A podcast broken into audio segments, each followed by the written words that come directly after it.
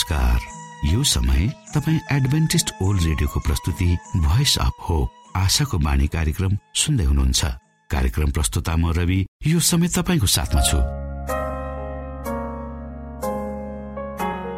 आफ्ना प्यारा श्रोताहरूको न्यानो माया र धेरै उत्साह दिने सकारात्मक प्रतिक्रियाहरूको सङ्गालो साथै लिएर आशाको बाणी कार्यक्रम डाँडा काँडा गाउँ बेसी हिमाल मधेस सुन्दर नेपालको सबै नेपालीलाई अनि मातृभाषा नेपाली बोल्ने अनि बुझ्ने प्रवासी नेपाली माझ पनि एउटा मनपर्ने कार्यक्रमको संज्ञाका साथ अगाडि बढिरहेको छ। हरेक दिनको कार्यक्रमहरू नयाँ र विशेष आत्मिकी बनाउनु हरेक श्रोताको चाहनालाई समेट्ने प्रयास गर्नु र तपाईँ सबैलाई हाम्रो मुक्तिदाता को हुनुहुन्छ भनी परिचय गराउनु हाम्रो उद्देश्य हो। यसमा तपाईँले हामीलाई साथ दिनुभएको छ। यसको लागि तपाईँलाई हामी धेरै धेरै धन्यवाद दिन चाहन्छौ। परमेश्वरको नामको महिमा होस्। आज पनि हामी बाइबलबाट शिक्षाप्रद सन्देशहरू सुन्नेछौँ।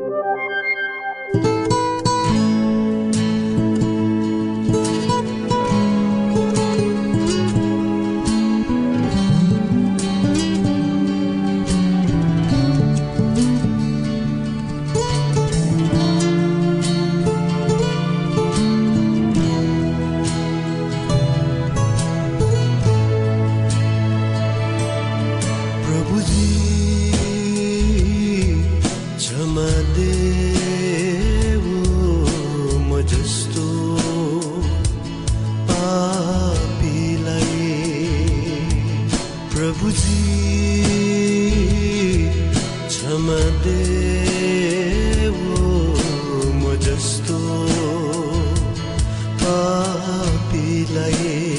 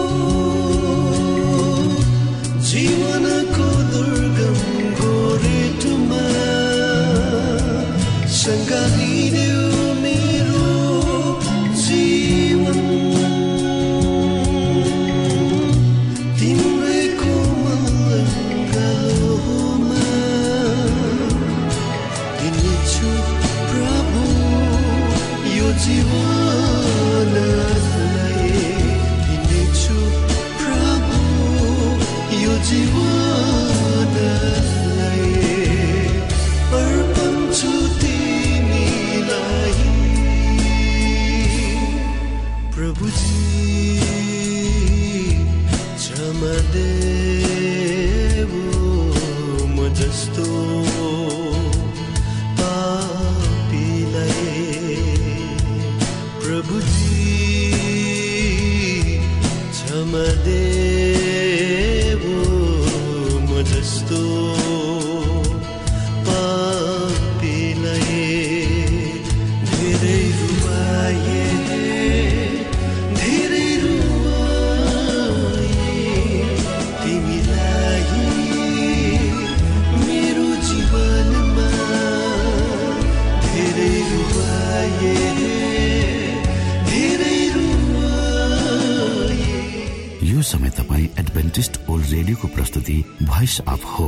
आशाको बाणी कार्यक्रम सुन्दै हुनुहुन्छ।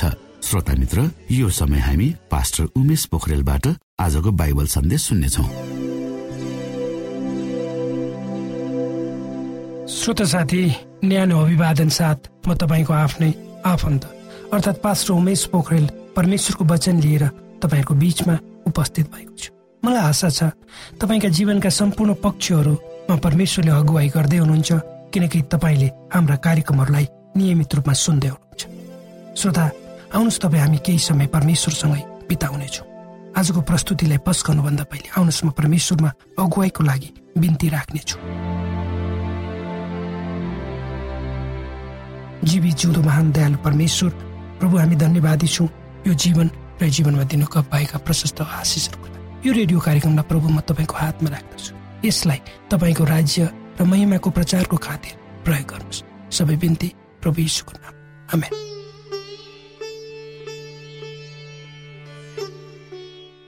श्रोत साथी एउटा पास्टर आफ्नो चर्चको बाटो हुँदै कतै जाँदै थिए। एक दिन मध्याहको समय थियो। को को मानिस चर्चमा आएर मध्याहमा प्रार्थना गर्दा रहेछन् भनेर उनलाई चर्चमा जाने विचार जाग्यो। जब उनी चर्चभित्र पसेका मात्र थिए पछाडिको ढोका खुलेको आवाज आयो र एउटा झुम्रे र जुत्रे मानिसभित्र पस्यो। उसले लगाएको टी सर्ट पुरानो थियो कोट फाटेको थियो र उसले दारी काटेको थिएन। कपाल जुमरुम परेको थियो। उक्त मानिसले घुँडा टेक्यो र आफ्नो टाउको निहुरायो र केही समयपछि त्यहाँबाट उठेर गयो। त्यसपछिका प्रत्येक दिनमा त्यो मानिस चर्चमा आउँथ्यो र प्रार्थना गरेर जान्थ्यो। प्रत्येक समय ऊ एक क्षण मात्र घुँडा टेकेर निहुरन्थ्यो। त्यसपछि उसका काखमा खानाको बक्सा हुन्थ्यो। त्यो देखेर उक्त चर्च पास्टरको मनमा शङ्का उब्जियो। हुनसक्छ यो मानिस लुटेर हो कि? किन यहाँ आउँछ भनेर उसले सोध्ने आँट गरेर सोध्यो। उक्त वृद्ध मानिसले भन्यो म तल सडक छेउमा काम गर्छु। खानाको समय आधी घन्टा छुट्टी हुन्छ र त्यो समय उसको निम्ति प्रार्थनाको समय हो। जसद्वारा उसले शक्ति र सामर्थ्य प्राप्त ऊ भन्दै गयो म यहाँ केवल एक क्षण मात्र बस्छु किनकि मैले काम गर्ने कारखाना यहाँबाट टाढा छ जब म घुँडा टेक्छु र परमेश्वरसँग कुरा गर्छु तब म आनन्दित हुन्छु। र ऊ भन्छ त्यो वृद्ध मानिसले भन्छ उसले परमेश्वरसँग के भन्छ? म यहाँ पुनः आएको छु। परमेश्वर तपाईँलाई भन्न। म कति खुसी छु जब हामीले एकअर्कालाई मित्रको रूपमा पायौँ। अनि तपाईँले मेरो पाप मबाट हटाइदिनु। मलाई राम्ररी कसरी प्रार्थना गर्नुपर्छ भन्ने कुरा थाहा छैन तर म तपाईँको विषयमा प्रत्येक दिन सोध्छु। त्यसकारण म जिउँछु र आज म तपाईँसँग विदा हुन्छु। यी कुरा सुनेपछि उक्त पास्टरले आफू कति मूर्ख रहेछु भनेर बुझ्छ र उनलाई लाज पनि लाग्छ। र ती मान्छे जिमलाई उनी भन्छन् ती वृद्ध मान्छेको नाम जिम। थियो र उनलाई भन्छ। यो चर्च तपाईँको पनि चर्च हो। यो चर्चमा सधैँ तपाईँलाई स्वागत छ। जहिले सुकै जुन बखत आएर प्रार्थना गर्न सक्नुहुन्छ। जिमले मुस्कुराउँदै धन्यवाद दिएर भन्छन् अब म जानुपर्छ। ऊ ढोका खोलेर जान्छ। तब पास्टरले घुँडा टेकेर प्रार्थना ऊ जिमको ढोका खोलेर जान्छ। तब पास्टरले घुँडा टेकेर प्रार्थना गर्छ उनको चिसो हृदय पग लिन्छ र प्रेमले तातो हुन्छ र त्यही प्रभु येसुसँग उनको भेट हुन्छ र उनको हृदयदेखि नै आँसुका धाराहरू बग्छ। उनले त्यो वृद्ध जिमको प्रार्थनालाई दोहोऱ्याउँछ। म कति खुसी छु जब मैले तपाईँलाई मेरो मित्रको रूपमा पाएँ तब तपाईँले मेरो पाप मबाट लिनु। मलाई थाहा छैन म कसरी राम्ररी प्रार्थना गर्न सक्छु भने तर म तपाईँको विषयमा प्रत्येक दिन सोध्दछु। त्यसकारण प्रभु येसु अब म यहाँबाट बिदा हुँदैछु आज। केही दिनपछि ती पास्टरले चाल पाए ती बुढा मानिस जिम मण्डलीमा आएर प्रार्थना गर्न छोडे भने। जिम नआएको धेरै दिन बितिसकेको हुन्छ। तब पास्टर चिन्तामा पर्छ र उनी जिम काम गर्ने कारखानामा जान्छ र उनको विषयमा सोधी खोजी गर्छ। र उनलाई थाहा हुन्छ कि जिम बिरामी छन् र अस्पतालमा भर्ना भएका उनी अस्पताल जान्छन्। अस्पतालका कर्मचारीहरू जसले जिमको हेरचाह गरिरहेका थिए चिन्तित हुन्छ। एक हप्तापछि जिम निको हुन्छ र सबैको आँखामा खुसीको लहर देख्न सकिन्छ। उनको उपचार भइरहेको अस्पतालमा जिमको स्वास्थ्यमा आएको सुधारदेखि सबै त्यहाँ काम गर्ने मानिस र अन्य सबै बिरामीहरूको मनमा खुसी छाउँछ किनकि जिमलाई सबैले मन पराउँछ। उनको हेरचाह गर्ने नर्सले पनि सबै कुरा बुझ्न सकिनन् किनकि जिम धेरै खुसी छन् भने। किन यति खुसी उनी खुसी भएको उपलक्ष्यमा त्यहाँ कसैले पनि उनलाई फुल गुच्चाहरू वा कार्डहरू ल्याएर दिएका छैनन्। उनीसँग धेरै मानिसहरू कोही मानिसहरू भेट्न पनि आएका छैन। चर्चको पास्टर उनको बेड नजिक बस्छन् र उनीसँग कुराकानी गर्छन्। ती पास्टर प्रत्येक दिन दिउँसो जिमको कोठामा उनीसँगै हुन्छ र उनी नजिकै बस्छन्। आफ्नो टाउको उनमा हड्याउँछन् र भन्छन् म पुनः यहाँ आएँ तिमीलाई। र उनी भन्छन् म पुनः यहाँ आएँ। म पुनः यहाँ आएँ तिमीलाई भन्न जिम। म कति खुसी छु जब मैले तिम्रो मित्रता पाएँ। तिमीले मेरो पाप मबाट लियो। म तिमीलाई सधैँ प्रेम गर्छु र तिम्रो प्रार्थना सुन्छु र तिम्रो विषयमा सधैँ सोध्छु त्यसकारण जिम म यसु हुँ। आज म तिमीबाट बिदा हुन्छु। श्रोत साथी जसले प्रार्थना गरेछ उसले आफ्नो घरलाई फलामको पर्खालले भन्दा बढी दह्रो बनाउँछ भनेर भन्छु प्रार्थना भनेको परमेश्वर र मानिस बीचको वार्तालाप। भनिन्छ जति बेसी तपाईँ हामी प्रार्थनामा समय बिताउँछौँ त्यति नै बेसी हामीले परमेश्वरबाट शक्ति र सामर्थ्य प्राप्त गर्दछौँ। प्रार्थना इसाई जीवनको सबभन्दा ठुलो हतियार हो जसले हजारौँ हजार मानिस बन्दुक बारुद बख्तर गाडीहरू र तोपहरूले गर्न सक्ने काम एक इसाईको प्रार्थनाले गर्न सक्छ। जब हामी प्रार्थनाद्वारा परमेश्वरमा आफ्ना कुराहरू राख्दछौँ तब परमेश्वरको ढाडस र शक्ति प्राप्त गर्दछौँ। पवित्र शास्त्र धर्मशास्त्र बाइबलले प्रार्थनाको आवश्यकताको बारेमा स्पष्ट रूपमा भनेको छ जसले हाम्रो आत्मिकी वृद्धिका साथै परमेश्वरसँगको हाम्रो सम्बन्धलाई मजबुत गराउँछ र त्यसबाट हामीले आफ्नो जीवनमा जिउने ऊर्जा प्राप्त गर्छौँ त्यसैले हामी सबैलाई एक अर्काको निम्ति प्रार्थना गर्न भनिएको छ। सारा मानिस जातिहरू जो दुःखमा कष्टमा सतावटमा छन् ती सबै कुराहरूबाट उम्कनको निम्ति उनीहरूलाई दैवीय शक्तिको आवश्यकता हुन्छ र उक्त शक्ति प्रार्थनाद्वारा हामीले प्राप्त गर्न सक्दछौँ। यी वचनहरूले तपाईँलाई आशिष दिउन्।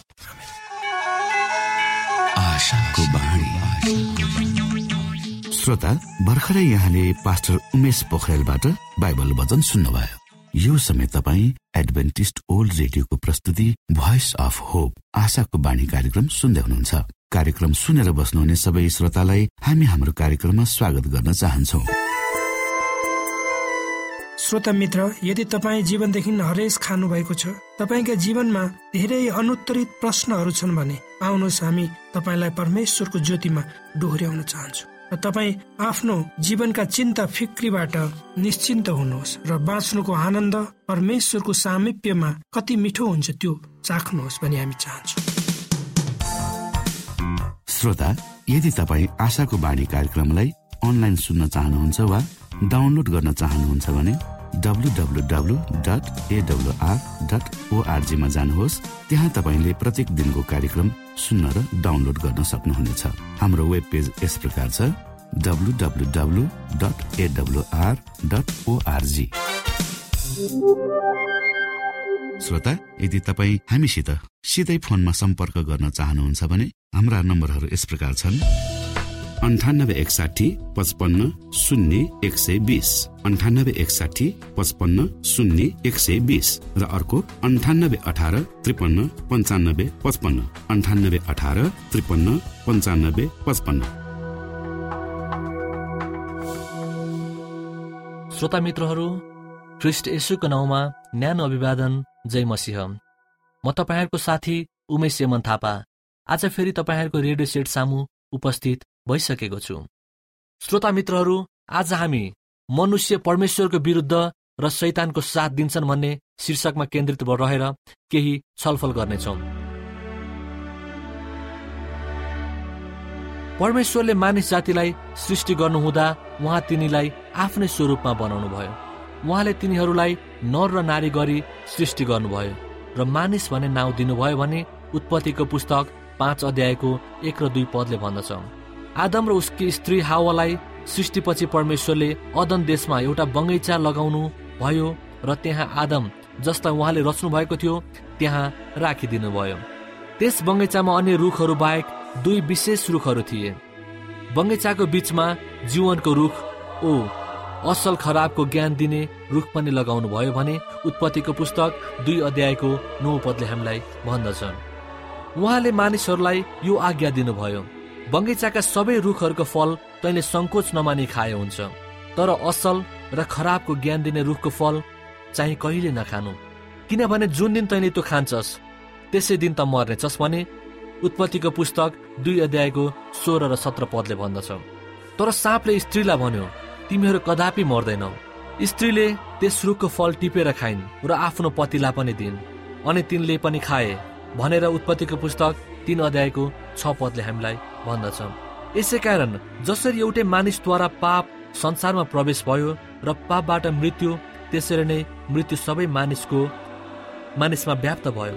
आदम र हावाको पापको कारण सबै मनुष्यमाथि मृत्यु आयो भने रोमीको पुस्तक पाँच अध्यायको बाह्र पदले हामीलाई भन्दछ श्रोता मित्रहरू मृत्युको अपेक्षा साथसाथै आदमले यस पृथ्वीमा अरू पनि परिणाम ल्याए।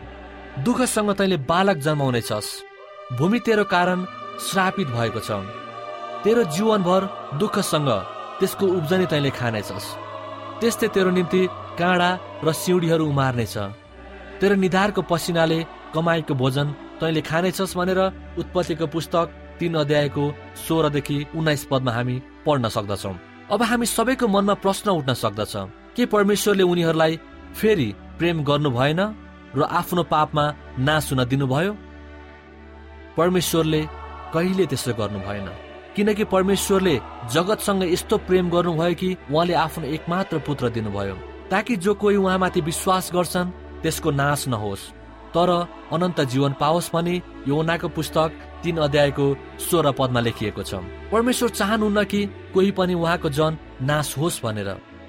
श्रोता मित्रहरू जब यस पृथ्वीको सृष्टि भयो तब परमेश्वरले आदि माता पिता आदम र हावालाई सृष्टि गर्नुभयो।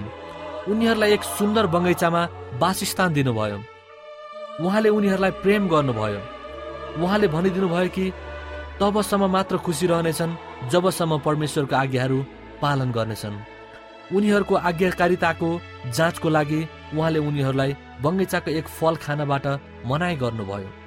किनकि त्यसलाई त्यसलाई खानाले उनीहरूले उनीहरूलाई खराबको ज्ञान हुन्थ्यो। शैतानले एक सर्पको रूपमा उनीहरूको परीक्षा गर्यो। उनलाई भन्यो तिमीले परमेश्वरको आज्ञा नमानेर मर्दैनौ भनेर। झुटो कुरा बतायो। यसकारण परमेश्वरको अपेक्षा उनीहरूले शैतानमाथि अधिक विश्वास गरे र त्यो नखानु भनेको रुखको फल खाए र शैतानको दास बनेर आफू र सम्पूर्ण मनुष्यमाथि मृत्यु निम्ताए। उनीहरू बगैँचाबाट निकालिए। भूमि श्रापित भयो र आफ्नो भोजनको लागि दुखी भएर उनीहरूले कठिन परिश्रम गर्नु पर्यो पीडा सहनु पर्यो र अन्तमा मृत्यु पनि। तर ईश्वरले आफ्नो महान प्रेमको कारण उनीहरूको लागि एक उपाय गरिदिनु भयो जसलाई ग्रहण गर्नाले उनीहरूको अनन्त मृत्यु हुँदैन। श्रोता मित्रहरू यसरी मानिस जाति परमेश्वरको विरुद्धमा गए। उनीहरूले शैतानको साथ दिए र संसारमा मृत्यु आयो। अब हामी सबैजनाले सोच्नु पर्दछ कि हामी संसारको लागि मात्र जिउने कि अनन्त कालसम्मको लागि जिउने। निर्णय तपाईँ र मेरो हातमा छ। आज नै सही निर्णय चुनौ र स्वर्गको भागीदार हौ।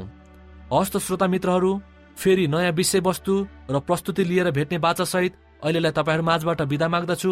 परमेश्वरले हामी सबैलाई आशिष दिनुभएको होस्। धन्यवाद। जय मसिंह। कोभिड नाइन्टिनका सम्पूर्ण खोप वा भ्याक्सिनको सफल परीक्षण गरिएको छ। यी भ्याक्सिन लिनाले हामी गम्भीर बिरामी हुनबाट जोगिन सक्छौ। त्यसैले तपाईँ पनि यो खोप लिनुहोस्। यदि तपाईँलाई पहिले नै कोभिड पोजिटिभ देखिसकिएको छ भने तपाईँ यो खोप चाँडै नै लिनुहोस्। यसो गर्नाले हामी र हाम्रो समुदायमा रोग प्रतिरोधक शक्ति चाँडै नै आउनेछ र हामी सबैजना पहिले जस्तै सामान्य जीवनमा फर्कन सक्दछौ। युनेस्को डब्लुएचओ र रेडियो कार्यक्रम आशाको बाणीबाट जनहितमा जारी सन्देश।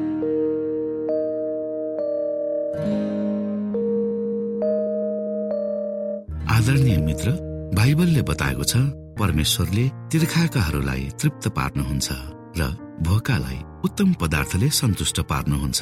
हामीलाई दिइएको यो छोटो समय आशाको बाणीको प्रस्तुतिको समयमा हामीले हाम्रा श्रोताको आत्मिक भोकलाई केही मात्रामा भए तापनि सही प्रकारको खोराक पस्केर आत्मिक सन्तुष्टि दिन सकेका छौँ केही ऊर्जा थप्न सकेका छौँ भनेर हामीले आशा राखेका छौँ। आफ्ना मनमा भएका केही दुविधा र शङ्काहरू छन् भने अवश्य हामीसँग बाँडेर शङ्काको निवारण गर्नुहुनेछ र सही प्रकारको बाटो पहिल्याउन सक्नुहुनेछ परमेश्वरको सच्चाइले अझ राम्रो बुझ्न सक्नुहुनेछ र आफ्नो जीवनलाई परमेश्वरमा पूर्ण समर्पित भएर समर्पण सहितको जीवन बिताउन सक्नुहुनेछ भनेर आशा राख्दै अब हामी हाम्रो कार्यक्रम सकिएको जानकारी यहाँलाई गराउन चाहन्छौ। जानुभन्दा अगाडि श्रोता हामी यहाँलाई हाम्रो ठेगानाको विषयमा जानकारी गरौं। हामीसँग पत्राचार गर्ने हाम्रो ठेगाना यस प्रकार छ।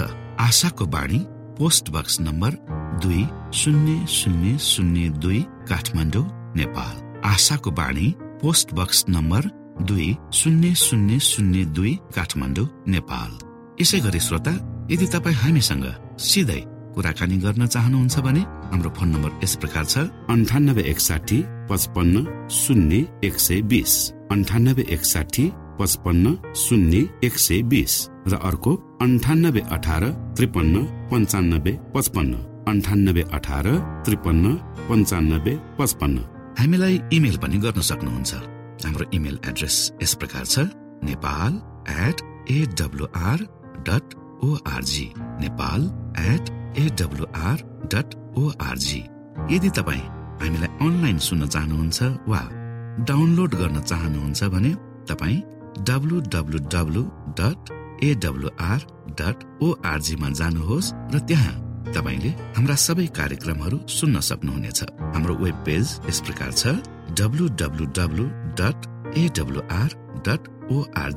श्रोता यसमा गएर तपाईँले हाम्रा दैनिक कार्यक्रमलाई सुन्न सक्नुहुनेछ र डाउनलोड पनि गर्न सक्नुहुनेछ। हवस् श्रोता हाम्रो कार्यक्रम सुनिदिनु भएकोमा एकचोटि फेरि यहाँलाई धन्यवाद दिँदै भोलि फेरि यही स्टेशन यही समयमा यहाँसँग भेट्ने आशा राख्दै प्राविधिक साथी राजेश र पास्टर उमेश पोखरेल र कार्यक्रम प्रस्तुता म रवि यहाँसँग विदा माग्दछौ। परमेश्वरले तपाईँलाई धेरै धेरै आशिष दिनु भएको होस्। नमस्कार।